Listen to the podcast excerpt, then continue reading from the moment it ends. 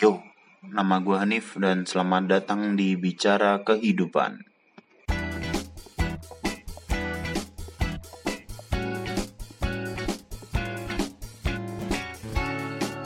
Selamat datang di podcast gue. Di episode satu kali ini gue akan bercerita ke kalian tentang sesuatu hal yang mengganggu pikiran gue banget akhir-akhir ini.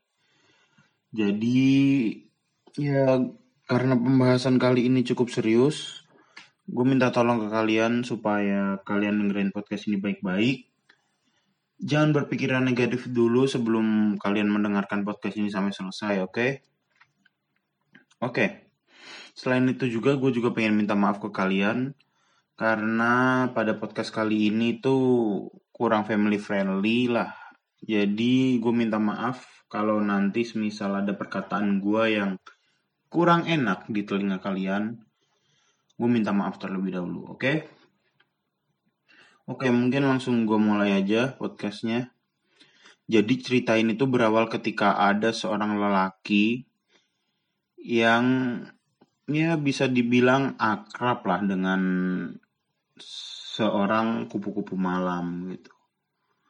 Jadi mereka berdua ini, seorang lelaki ini dan kupu-kupu malam ini tuh bisa dibilang kayak temenan gitu kayak sahabat gitulah. Nah mereka tuh awalnya deket gara-gara nggak sengaja gara-gara temennya si A ini temennya si lelaki ini tuh kayak main-main gitu aja ke tempat hiburan malam gitu. Eh nggak sengaja di sana dia ketemu si kupu-kupu malam ini. Anggap aja namanya si B lah ya. Dia ketemu si B ini di sana pas habis ketemu CB itu si A ini si lelaki ini tuh ngobrol gitu awalnya sama si B. Tapi lama kelamaan si A dan si B itu jadi akrab banget jadi temenan gitu. Nah saking akrabnya si A dan si B ini jadi kayak temen-temen curhat gitu. Kayak si A kadang cerita tentang permasalahannya ke si B Begitu juga sebaliknya, si B juga sama cerita kayak permasalahan pribadinya gitu ke si A. Nah, sampai pada suatu saat momen si B cerita ke si A kalau semisal si B kayak punya masalah gitu, masalah pribadi sama si si masalah pribadi lah si B lah. Masalah pribadi ini tuh masalah si B ini menyangkut tentang hubungan si B sama keluarga si B gitu.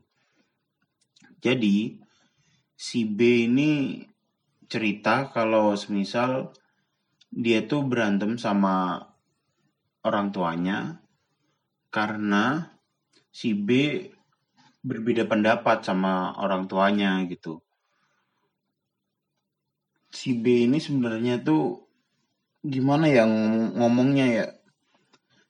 Dia tuh sebenarnya orangnya baik, tapi karena emang salah pergaulan aja dari awal, makanya dia jadi seperti ini gitu. Si B pun cerita ke si A bahwa sanya dia tuh pengen berhenti di dunia kayak gini dan dia pengen kuliah gitu. Oh ya, by, by the way, umur si B ini lebih tua setahun dari si A ya. Dan si A itu pada saat itu umurnya ya bisa dibilang setara lah sama SMA kelas 2, anak SMA kelas 2. Berarti sekitar 17 tahunan lah ya berarti. Dan si B ini berarti 18 tahun. Oke, lanjut lanjut lanjut ceritanya. Ketika si B ini cerita ke si A tentang permasalahannya itu yang dia pengen kuliah tapi ternyata dilarang sama orang tuanya gara-gara ya tahu aja lah mungkin kondisi orang tua si B ini kurang mampu gitu. Dan ternyata orang tuanya si B ini juga bekerja sama seperti si B bekerja di dunia malam seperti itu gitu. Ya orang tua si B mikir-mikir juga dong kayak buat ngebiayain kuliah tuh uang dari mana gitu. Kalau misal ditinggal si B juga kan ada mengurangin pendapatan yang didapat keluarga itu gitu. Karena di keluarga itu pusat perekonomiannya tuh dari kerja di situ gitu. Dan akhirnya si A setelah mendengar perkataan si B tersebut nyaranin si B buat kayak percaya aja sama hatinya kayak ya udah kalau lu semisal pengen berhenti dan pengen kuliah nantinya mungkin lu bisa ngumpulin duit terlebih dahulu kan nabung buat kuliah gitu buat biaya kuliah nantinya. Nah tapi di satu sisi si B ini pengen nyari kerjaan lain buat ninggalin kerjaannya ini yang sebelumnya jadi wanita penghibur itulah. Si B pengen ninggalin hal itu gitu karena dia ngerasa udah kayak capek dia tuh udah mulai bekerja kayak gini tuh udah dari umur ya masih dibilang masih remaja lah masih belasan tahun. Dan sampai titik ini tuh dia ngerasa capek aja ngerasa kayak udah mulai nggak bener lah.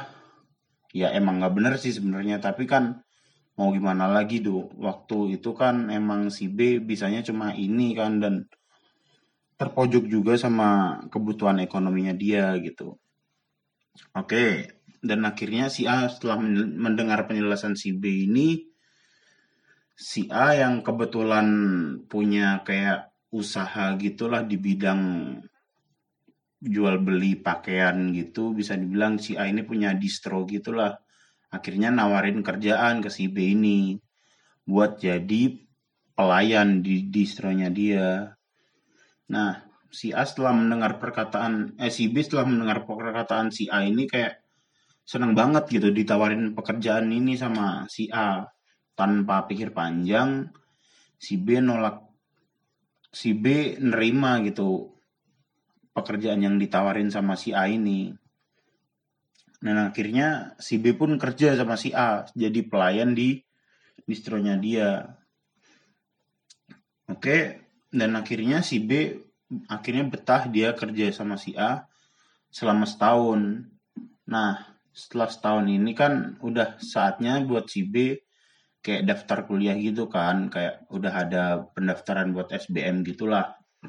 Si B daftar SBMPTN tahun itu dia tuh kan emang dari awal pengen kuliah gitu ya dan kuliahnya tuh kebetulan kuliah seni gitu nah pas dia daftar SBM dia dia milih di salah satu universitas yang ada di Jawa Tengah. Dia alham dia tuh kayak bukan alhamdulillah sih apa ya kayak bencana lah buat dia. Karena dia itu nggak keterima gitu di SBM tahun ini. Dan si B ini langsung hancur dong kayak nyerah gitulah kayak aduh gue udah berusaha udah kerja mati-matian kan nanti buat gue nyukupin kebutuhan gue kuliah. Dan gue udah belajar juga buat nanti keterima SBM buat tes SBM eh hasilnya malah dia nggak keterima kayak gitu. Si B kayak pasrah aja gitu. Tapi karena si A ngerasa kasihan sama si B si A tuh kayak ngesupport terus lah apa yang dilakuin si B gitu. Si A tuh selalu bilang kalau ya masih ada dua tahun lagi gitu buat menuin cita-cita si A ini gitu. Toh nantinya kalau emang jalannya bukan di SBM kan si si B ini udah nabung gitu buat keperluan kuliahnya mungkin duit ini tuh bisa dikumpulin buat bayar kuliah di swasta juga juga nggak apa-apa gitu karena ya sekarang juga kan banyak swasta yang biayanya nggak terlalu tinggi juga gitu. Itu sih saran dari si A. Terus si B yang dengar perkataan si A itu kayak udah bener juga ya apa kata si A gitu. Kayak mikir-mikir gitulah. Ter dan akhirnya setelah setahun lagi bekerja di distronya si A ini, kan si A berarti kan udah waktunya juga buat ikut SBM lagi tahun ini dan si B ikut juga SBM tahun ini. Dua-duanya berarti si A sama si B ini ikut SBM di tahun itu. Tapi kayaknya emang belum keberuntungan buat si B dan yang diterima SBM tahun ini tuh cuma si A gitu. Kayak ya emang dari awal si A ini orangnya rada beruntung dan rada pinter lah Soalnya juga si A ini sekolah di SMA yang sedikit favorit gitu. Sedangkan si B ya emang SMA-nya tuh SMA yang kurang terkenal habis itu kan dia harus bekerja juga gitu sebagai pelayan. Mungkin ya otaknya rada terganggu lah antara buat belajar sama buat bekerja gitu. Dan akhirnya kayak si B itu mulai patah semangat lagi gitu. Waduh kok kayak nggak adil gitu. Gue yang udah berusaha dua tahun gitu buat ikut SBM eh nggak keterima gitu. Kayak gumam itu tuh ada gitu di diri si B. Si B tuh kayak mikir kayak gitu terus gitu. Bahkan sampai si B itu pernah mikir kalau semisal ya udahlah tahun ini terakhir gue SBM gue pengen ikut swasta aja gitu. Tapi karena si A ini percaya si B bisa buat dapetin apa yang dia mau kayak kuliah di PTN gitu si B ini ngurungin niatnya buat nggak ikut swasta gitu nggak nggak daftar di swasta. Si B ini tetap diyakinin sama si A buat daftar di perguruan tinggi negeri gitu. Dan akhirnya pada tahun itu juga kan si B ini langsung kuliah di luar kota juga kan karena dia udah keterima SBM tahun itu juga si B pindah keluar kota buat kuliah Terus si A ini mempercayakan bisnisnya ke si B ini sementara gitu. Karena kan emang si A nggak bisa ngontrol gitu. Karena adanya jarak. Nah, pas selama setahun si A ini kuliah, si B itu kayak minjem-minjemin buku pelajarannya si A ini waktu SMA gitu. Si B ini nambah giat belajarnya kayak semua buku lah tentang SBM tentang soal-soal itu dikerjain sama dia yang bekas punya si A itu. Dan sampai akhirnya pada tahun berikutnya berarti ini tahun SBM ketiganya si B dia diterima di salah satu perguruan tinggi nasional yang ada di Jawa Tengah. Dan kebetulan juga dia diterimanya di jurusan yang dia pengen-pengen dari dulu gitu. Di jurusan seni gitu. Dan si A tuh dengar kabar itu tuh kayak ya kayak apa ya kayak merasa seneng aja gitu ngelihat perjuangan temennya yang dari awal emang kayak mus bukan mustahil sih kayak awal orang-orang itu ngeremehin gitulah kayak nggak mungkin bisa kuliah di negeri gitu kan. Eh tapi si B ini bisa ngebuktiin ke orang-orang kalau dia tuh bisa gitu. Dia bisa berubah dari yang awalnya seperti apa sekarang menjadi mahasiswa gitulah dengan. Nah pas abis keterima di perguruan tinggi ini si B si A tuh udah mulai kehilangan kontak lah sama si B. Kayak lama nggak kontek-kontekan kan karena ya emang si si B ini udah nggak kerja lagi sama si A itu. Jadi mereka udah putus kontak. Dan akhirnya setahun berikutnya kayak setahun si B ini kuliah akhirnya dia mutusin buat ngehubungin si A lagi karena si B ini lagi diterpa masalah gitu. Jadi si B ini pas di kampus itu kayak merasa dikucilin temennya gitu kayak karena ada salah satu teman si B ini tahu bahwa masa lalunya si si B ini tuh kayak kurang bagus gitu. Nah, terus si A tuh kayak aduh merasa kasihan banget lah kayak sama si B ini kayak temen dia udah berusaha mati-matian buat berubah eh malah ada orang yang ngejatuhin mental dia lagi gitu si A pun langsung kayak yang ngasih kekuatan lah sama si B ini kayak ngasih dorongan semangat gitu. Ya udah nggak apa-apa yang penting kan lu udah berubah gini kan udah ngelakuin hal yang terbaik segala macamnya nggak usah dengerin kata-kata orang gitu. Pokoknya dengan kata-kata mutiara dan kata-kata penyemangat lah yang dikeluarin si A ini ke si B.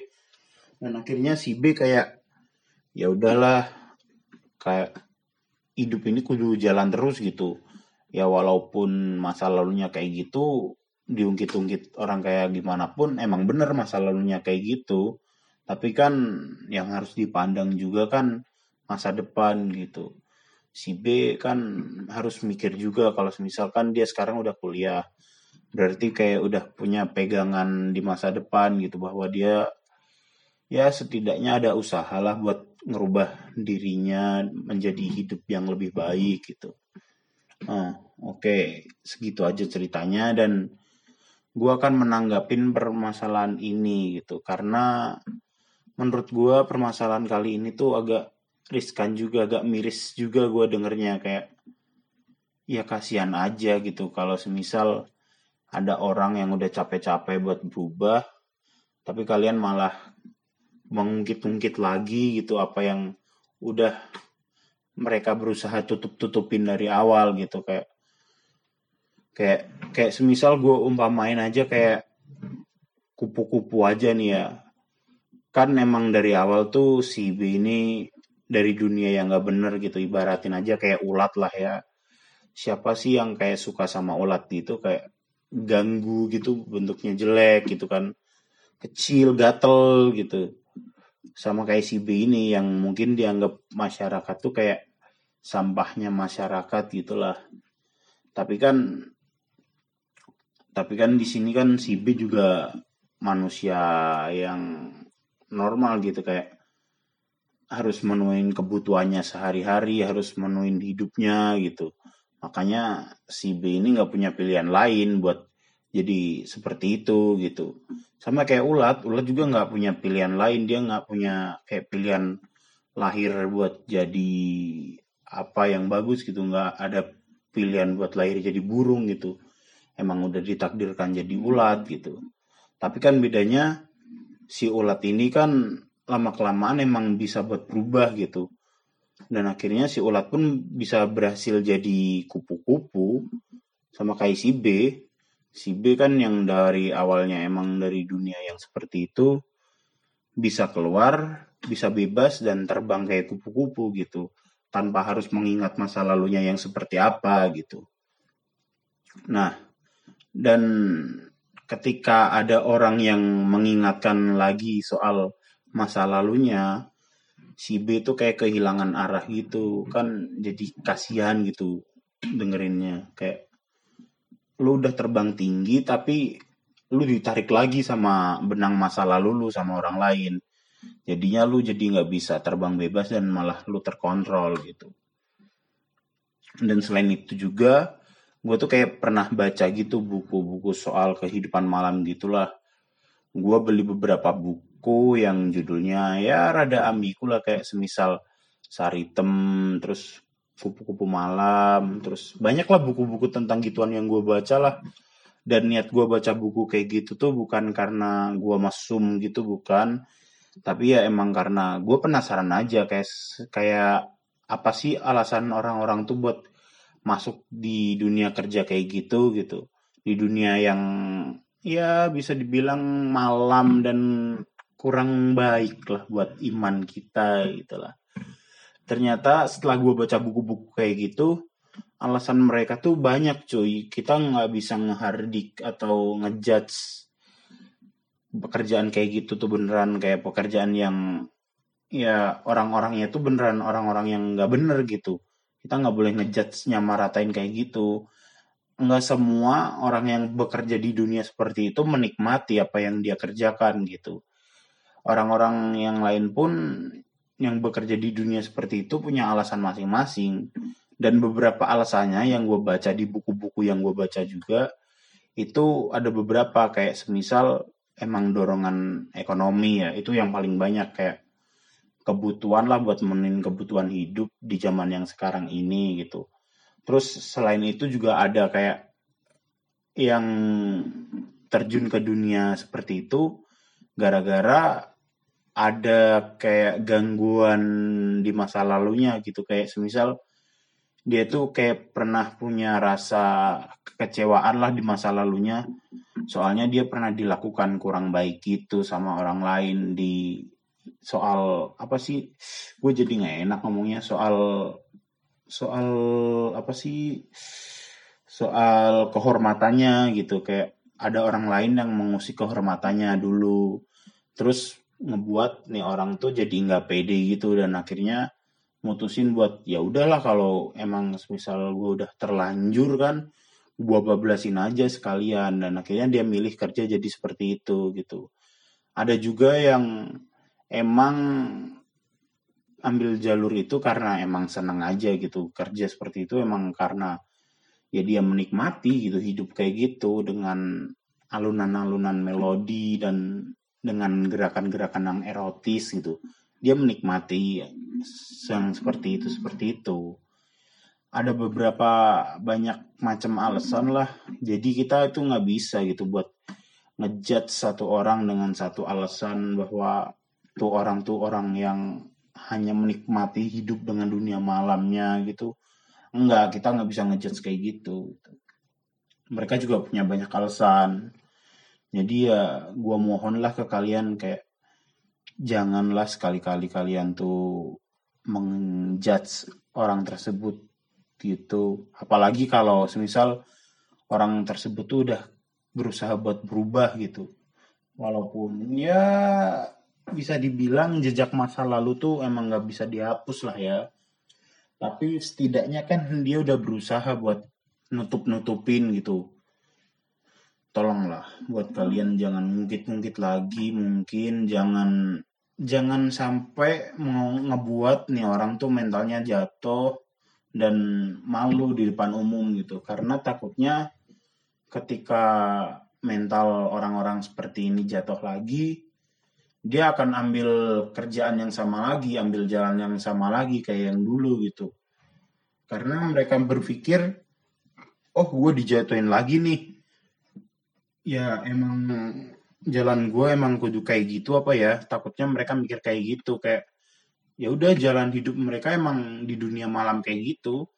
Terus mereka balik lagi deh. Kan kasihan jadinya kalau semisal kayak gitu.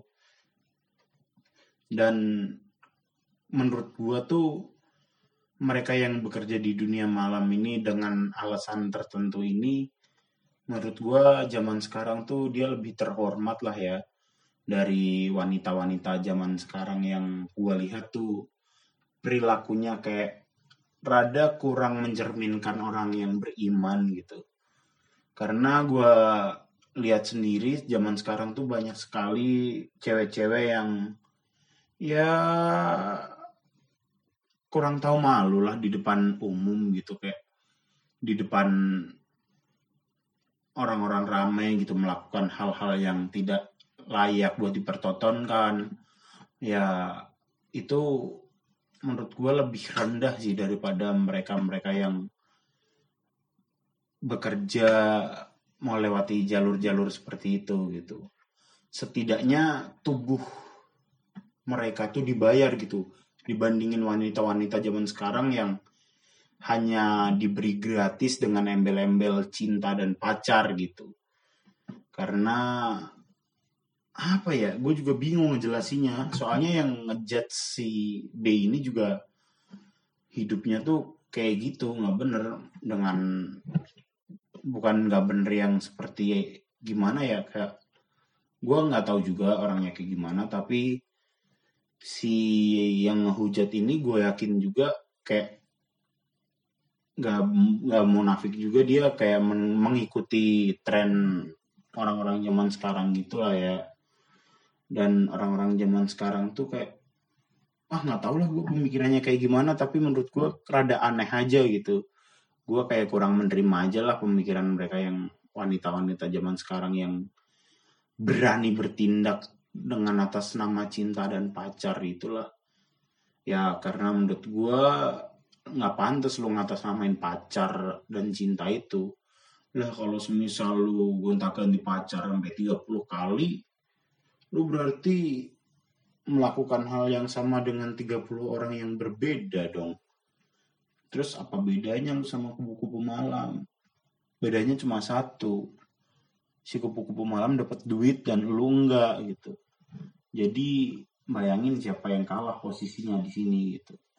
Tapi di sini tuh bukan soal menang atau kalah. Gue nggak mau ngejatuhin atau ngejudge juga wanita-wanita zaman sekarang yang berpikir atau melakukan tindakan yang seperti itu.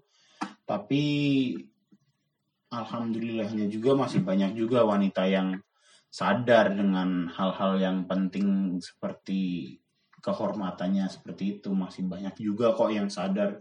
Bahkan lebih banyak yang sadar daripada yang nggak sadar gitu dan gue harap orang-orang yang nggak sadar seperti itu cepatlah sadar lah ya.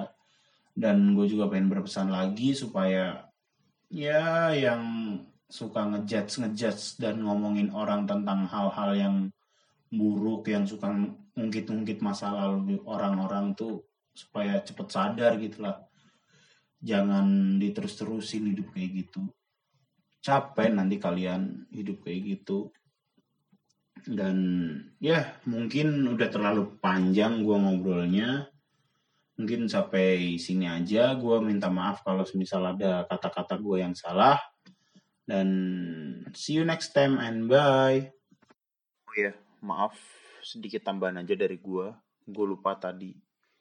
Menurut buku yang gue baca juga ada satu alasan yang paling mendasar sih yang bikin beberapa sifat wanita tuh yang kayak gue ceritain tadi dan alasan ini juga itu yang banyak membuat wanita-wanita ini tuh memilih hidup seperti kupu-kupu malam itu gitu. Ada satu alasan yang membuat pasti itu.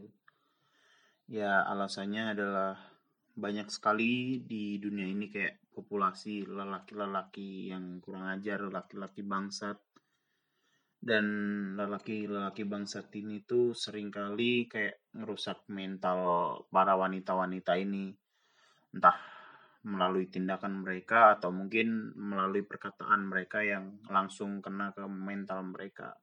Dan kadang-kadang juga cowok-cowok bangsat kayak gini tuh sering-sering mainin-mainin perasaan gitu. Jadi kan ya tahu sendiri lah cewek itu gampang banget nih main perasaannya dan ya sekalinya kena pukul telak udah cewek nggak bisa apa-apa gitu. Udah itu aja tambahan dari gue bye